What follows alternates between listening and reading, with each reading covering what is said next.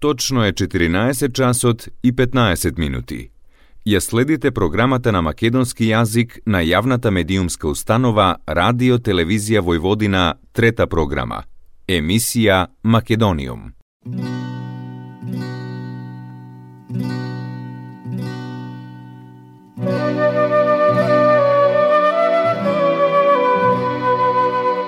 Добар ден и добре дојдовте во најновото издание на емисијата Македониум. Со вас, почитувани слушатели, е вашиот уредник и водител Јулијана Милутиновиќ, секоја среда со почеток во 14 часот и 15 минути на фреквенцијата на третата програма на радиото при Радио Телевизија Војводина, Радио Нови Сад. Денес во Македониум ни гостува Билјана Јосифов, македонската оперска пејачка, која во саботата заедно со оркестерот и хорот на Македонската опера и балет настапи во Народно позориште во Белград, во улогата на Розина во операта Севинскиот Бербер на Джоакино Росини. Билетите за оваа опера беа распродадени две недели пред настанот, а настанот беше проследен со овации и големо задоволство кај белградската публика. Разговорот со Билјана го водев пред самиот настап и со Билјана допревме многу теми, а сите врзани со музиката. На прашањето која музика ја слушала Билјана како дете, таа рече. Музика како дете слушав многу рок, метал. Понекогаш на телевизија ќе ќе фатев некој од програмиве, баш имаше на МТВ3, дава оперски представи, балетски. Балетски представи ми било интересно, меѓутоа кога ќе слушнев оперска представа, ми е од Крушево, тоа за нас страно тело, не разбираш. и буквално викам, не што се дерат овие, значи врска нема. Малечко деп толку разбирав, а и стварно немавме никаков допир а, со оперска уметност, со класична музика на наша штета, секако, тоа мислам, затоа викаме ја неаме традицијата како италијанците кои што се задоени со таква музика, кај нас тоа не достига. Видите како сега ние помладиве генерации посебно се бориме за тоа да се воведе во во нели во програмата уште од градинка децава да почнат да да учат за класична музика, да да да бидат што почесто да посетуваат концерти класични, представи некои детски што се адаптирани за деца, има многу убави. Така што јас верувам дека следниве генерации нема да бидат баш како мене, да речеме. Иако денес се занимавам баш со оваа најубава уметност и најкомплексна. Потоа Билјана го продлабочи муабетот како децата треба да бидат изложени на музиката за да ја засакаат повеќе. Какви разни методи постојат кои што на вистина светот оди напред воопшто и не знаеме да ги искористиме, едноставно не гледаме малку подалеку за како uh, или да, помег, да помогнеме на, на нашава нација малку да се подкрени свеста. А како ќе се подкрени свеста? Само преку културата. Македониум Билјана ми кажа како дојде до љубовта кон оперското пеење. Во прва средно, кога дојдов на приемен испит, сакав музичко. Значи, уште од малечка сакав да свирам виолина, па нема, моите нема средства да купат виолина, бидејќи беа, беа скапи виолините. Па сакав флейта да свирам, така, ама се нешто од внатре ме влечеше и едноставно подсвесно знаев дека јас сум родена за ова да го правам. Дека тоа е мојата природа. И а, кога дојдов на приемен испит во музичкото во средното музичко училиште во Питола, јас бев а, пријавена за теоретски смер, не ви знаев дека има соло пеење, не ви знаев што е соло пеење.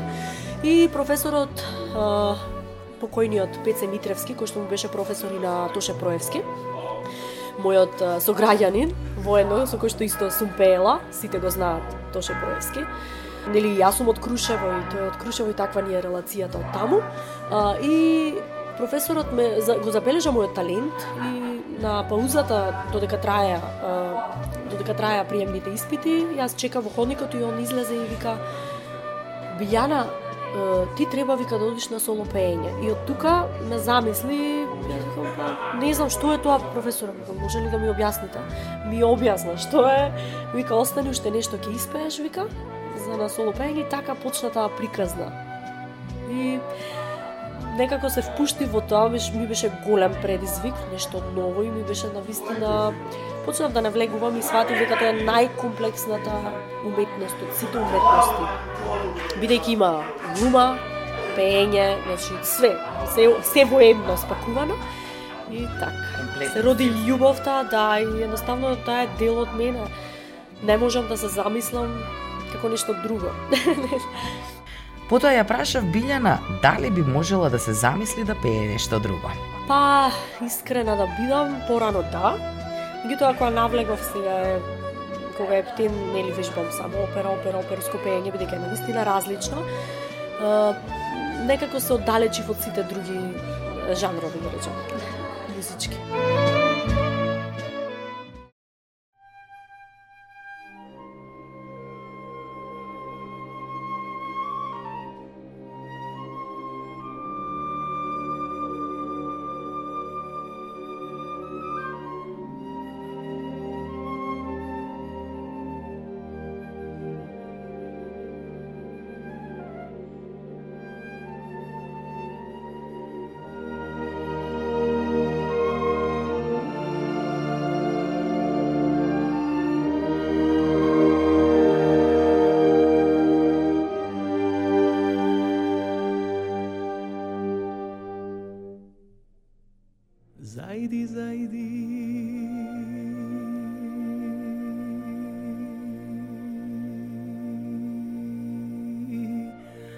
Jasno sonce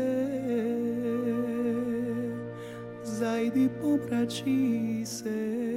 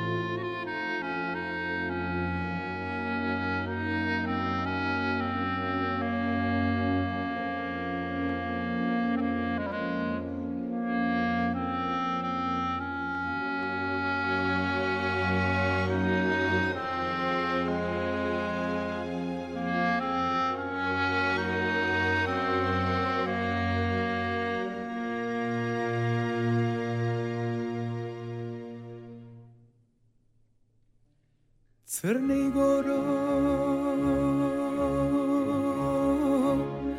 Crnej sestro Dvajca da crnej me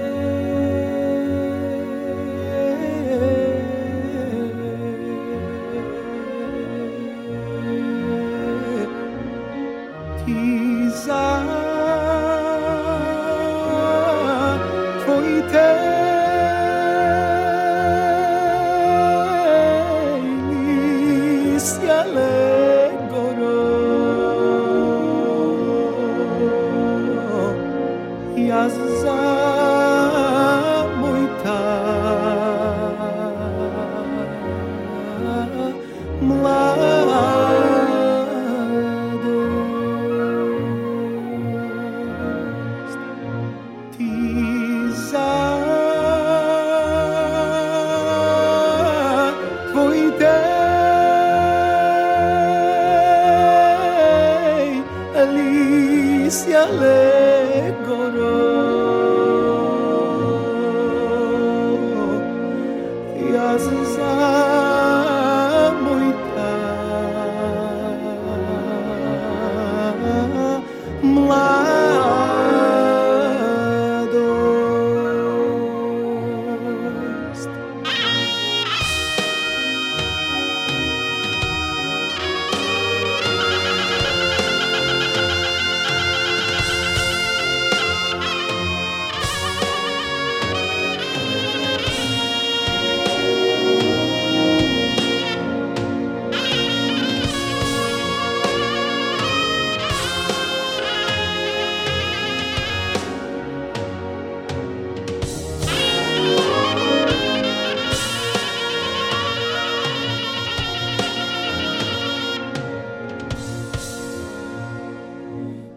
delícia.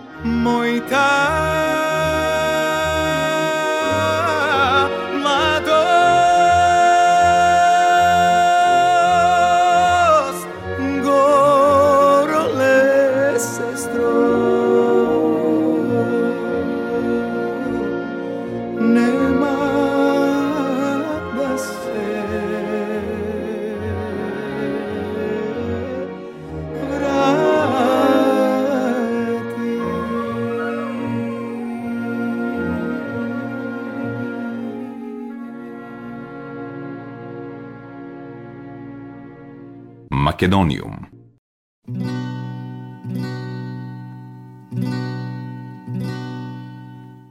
Денес во емисијата зборувам со Билјана Јосифов, македонската оперска пејачка, која имавме можност да ја слушаме во улогата на Розина во Севилскиот бербер на Джоакино Росини во Народно позориште во Белград заедно со хорот и оркестарот на македонската опера и балет.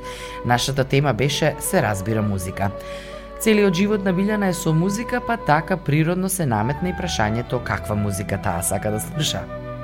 Покрај сопругот бирам джез, бидејќи дома јас искрено не слушам музика, бидејќи моето секојдневие и мојот живот е музика и кога сум дома ја сакам тишината. Таа ми е музика. И колку можам повеќе да сум во тишина. Значи ни телевизија не пуштаме, ние апсолутно ника, ништо. Джез сакам, а, слушам рок исто така понекогаш и секако класика. Слушам инструментални доста дела. Обично оперски уметници, сега не е дека сите, меѓутоа има исклучоци, а сите само опера слушаат и толку. Значи јас тварно гледам да сум посестрана, да знам нели пианисти и други инструменталисти кои што нели онака се супер за да научиме нешто повеќе. Македониум. Исто така слушнав и која македонска песна би сакала Билјана да ја испее. Сум пеела многу народни, бидејќи мојот татко пееше многу добро македонски народни песни и од него ми е љубовта кон народната музика, македонска. И со тоа и почнав јас. Првиот мој настап беше со Зајди, зајди, јасно сонце. И тоа беше избор на татко ми и многу убаво тогаш ја испеав и од тогаш се роди љубовта така кон пеењето. Воопшто, значи зајди, зајди, јасно сонце, параходот ми пристигна, сите тие стари македонски народни песни. А, има една многу убава исто. Таа е досега веќе мислам, не е отпеана, да речам Еленко Керко се вика. И таа ми е онака следно што сакам на вистина да ја снимам, дали со некој наш а, фолклорен пејач. И е многу убава песна и многу ми се допаѓа и може малку да ви испеам ако ја сакате така еден. Еленко мори керко убава. Ја слушнавме сосема малку Билјана со мал дел од песната која се надевам ќе ја испее и ќе имаме прилика да ја слушнеме, а за тоа направивме и еден план. После ова Билјана ми раскажа за незината прва оперска улога и уште неколку други од почетоците.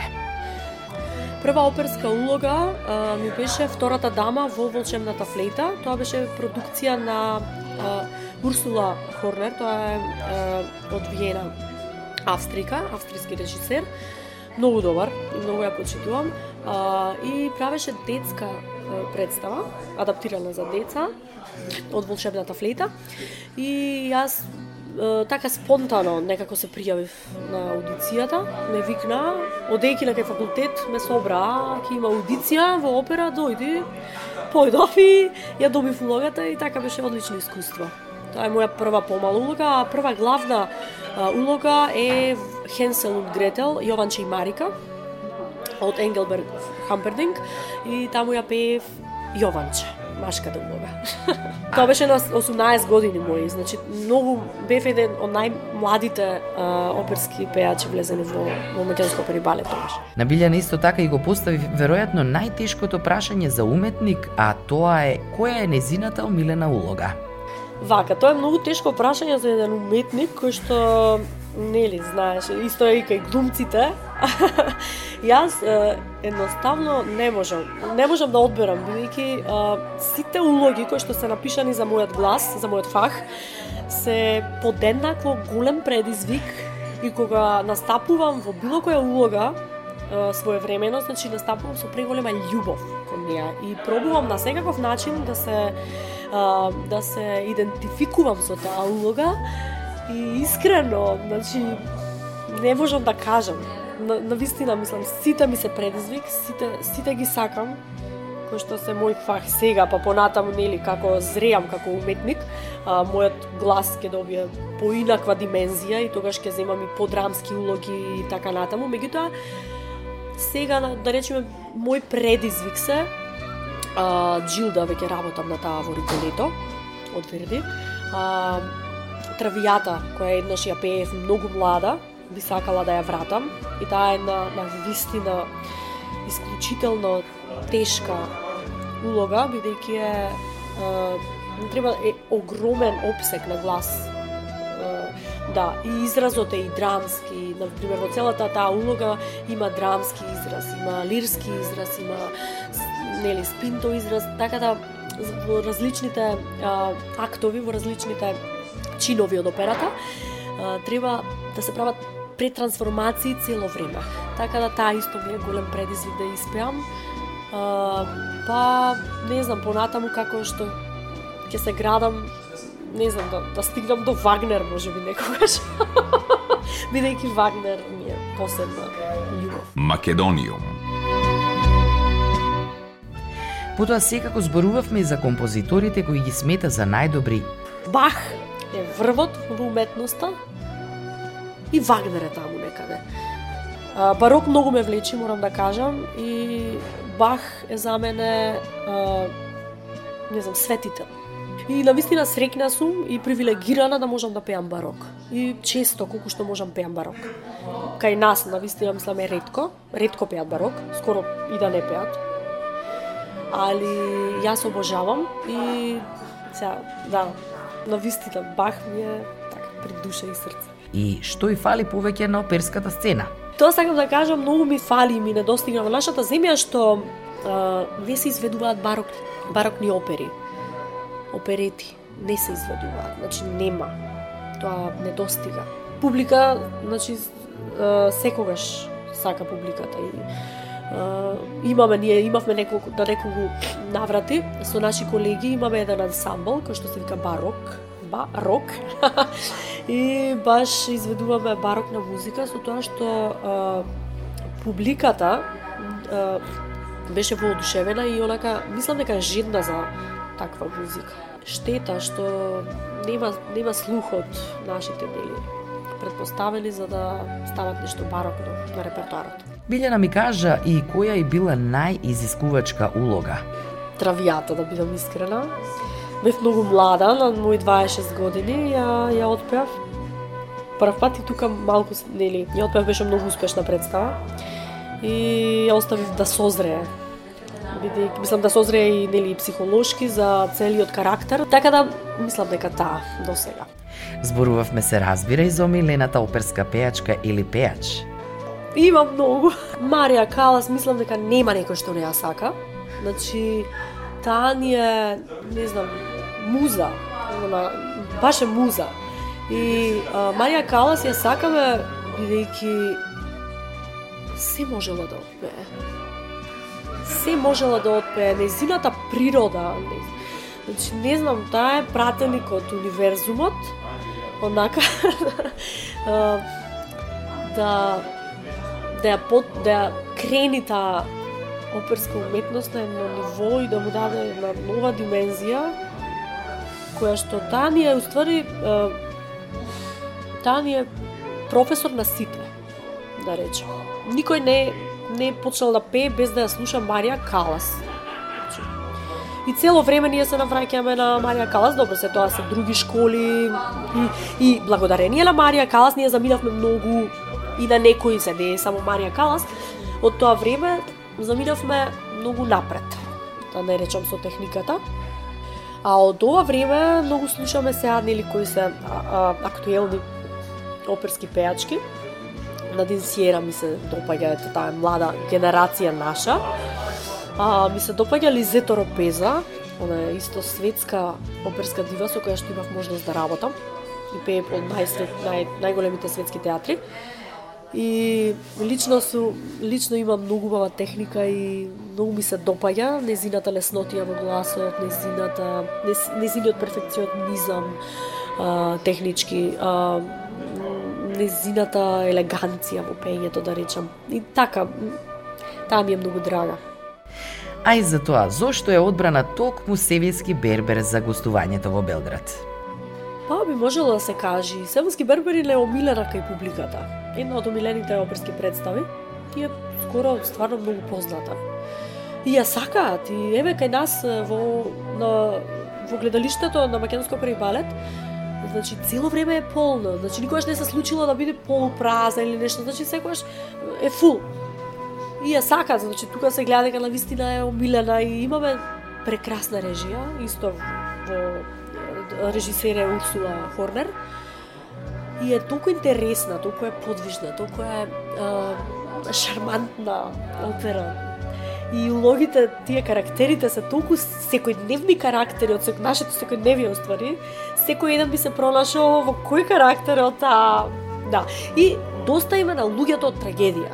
Значи, доста име. Сакаме малку светлина, сакаме малку позитивност. А, баш тоа и забележуваме. Редко, редко веќе се поставуваат кај нас комични опери и тоа на вистина многу ни недостига. И му недостига и на публиката, железниот репертуар во ред. Меѓутоа, треба нешто вакво да малку, нели. Розина ми е на вистина многу милена улога. Многу ја сакам, таа е една ведра девојка, една исклучително умна, паметна и малку тврдоглава и е со така темпераментен карактер меѓутоа му дава толку многу живот на, на, на сцената и во операта, така што незината нишка на постоењето е само љубов тако, незиниот гроф Вива. И а, секако незината слобода е заробена од незиниот тутор Дон Бартоло. Меѓутоа на крајот, благодарение на Фигаро, а, се завршува како што треба и а, љубовта победува на младите. Бидејќи Фигаро е еден сплеткар, таков народен карактер, кој што сака да се, се зафркава вака, од околу го интересираат сите работи. И така, многу, многу интересна представа и срекни сме што во Белград, а, уште пред две недели, а, е се распродадени сите карти, да, за наша представа и верувам дека ќе дадеме се од себе за вечер да биде прекрасно и незаборавно.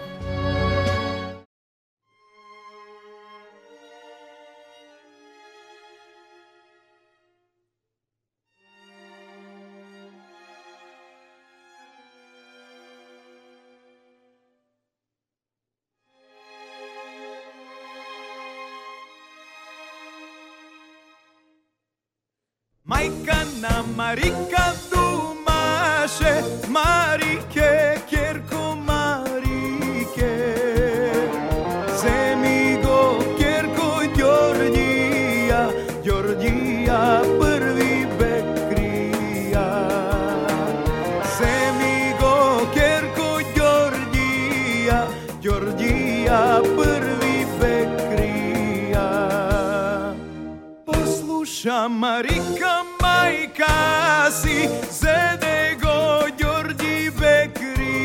Hallelujah.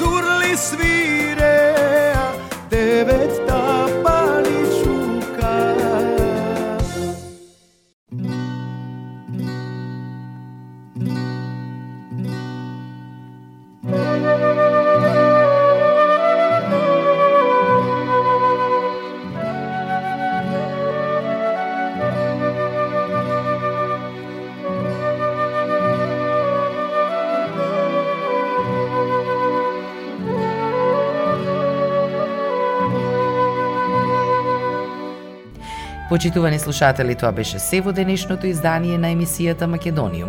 Поздрав од вашиот уредник и водител Јулијана Милутиновиќ до следната среда во исто време, кога ќе го слушнете разговорот со диригентот на Севилски Бербер во Белград, Иван Еминовиќ. До слушање.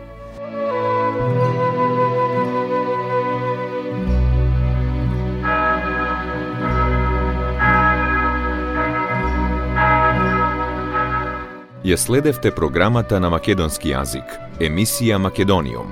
Главен и одговорен уредник Воин Поповиќ.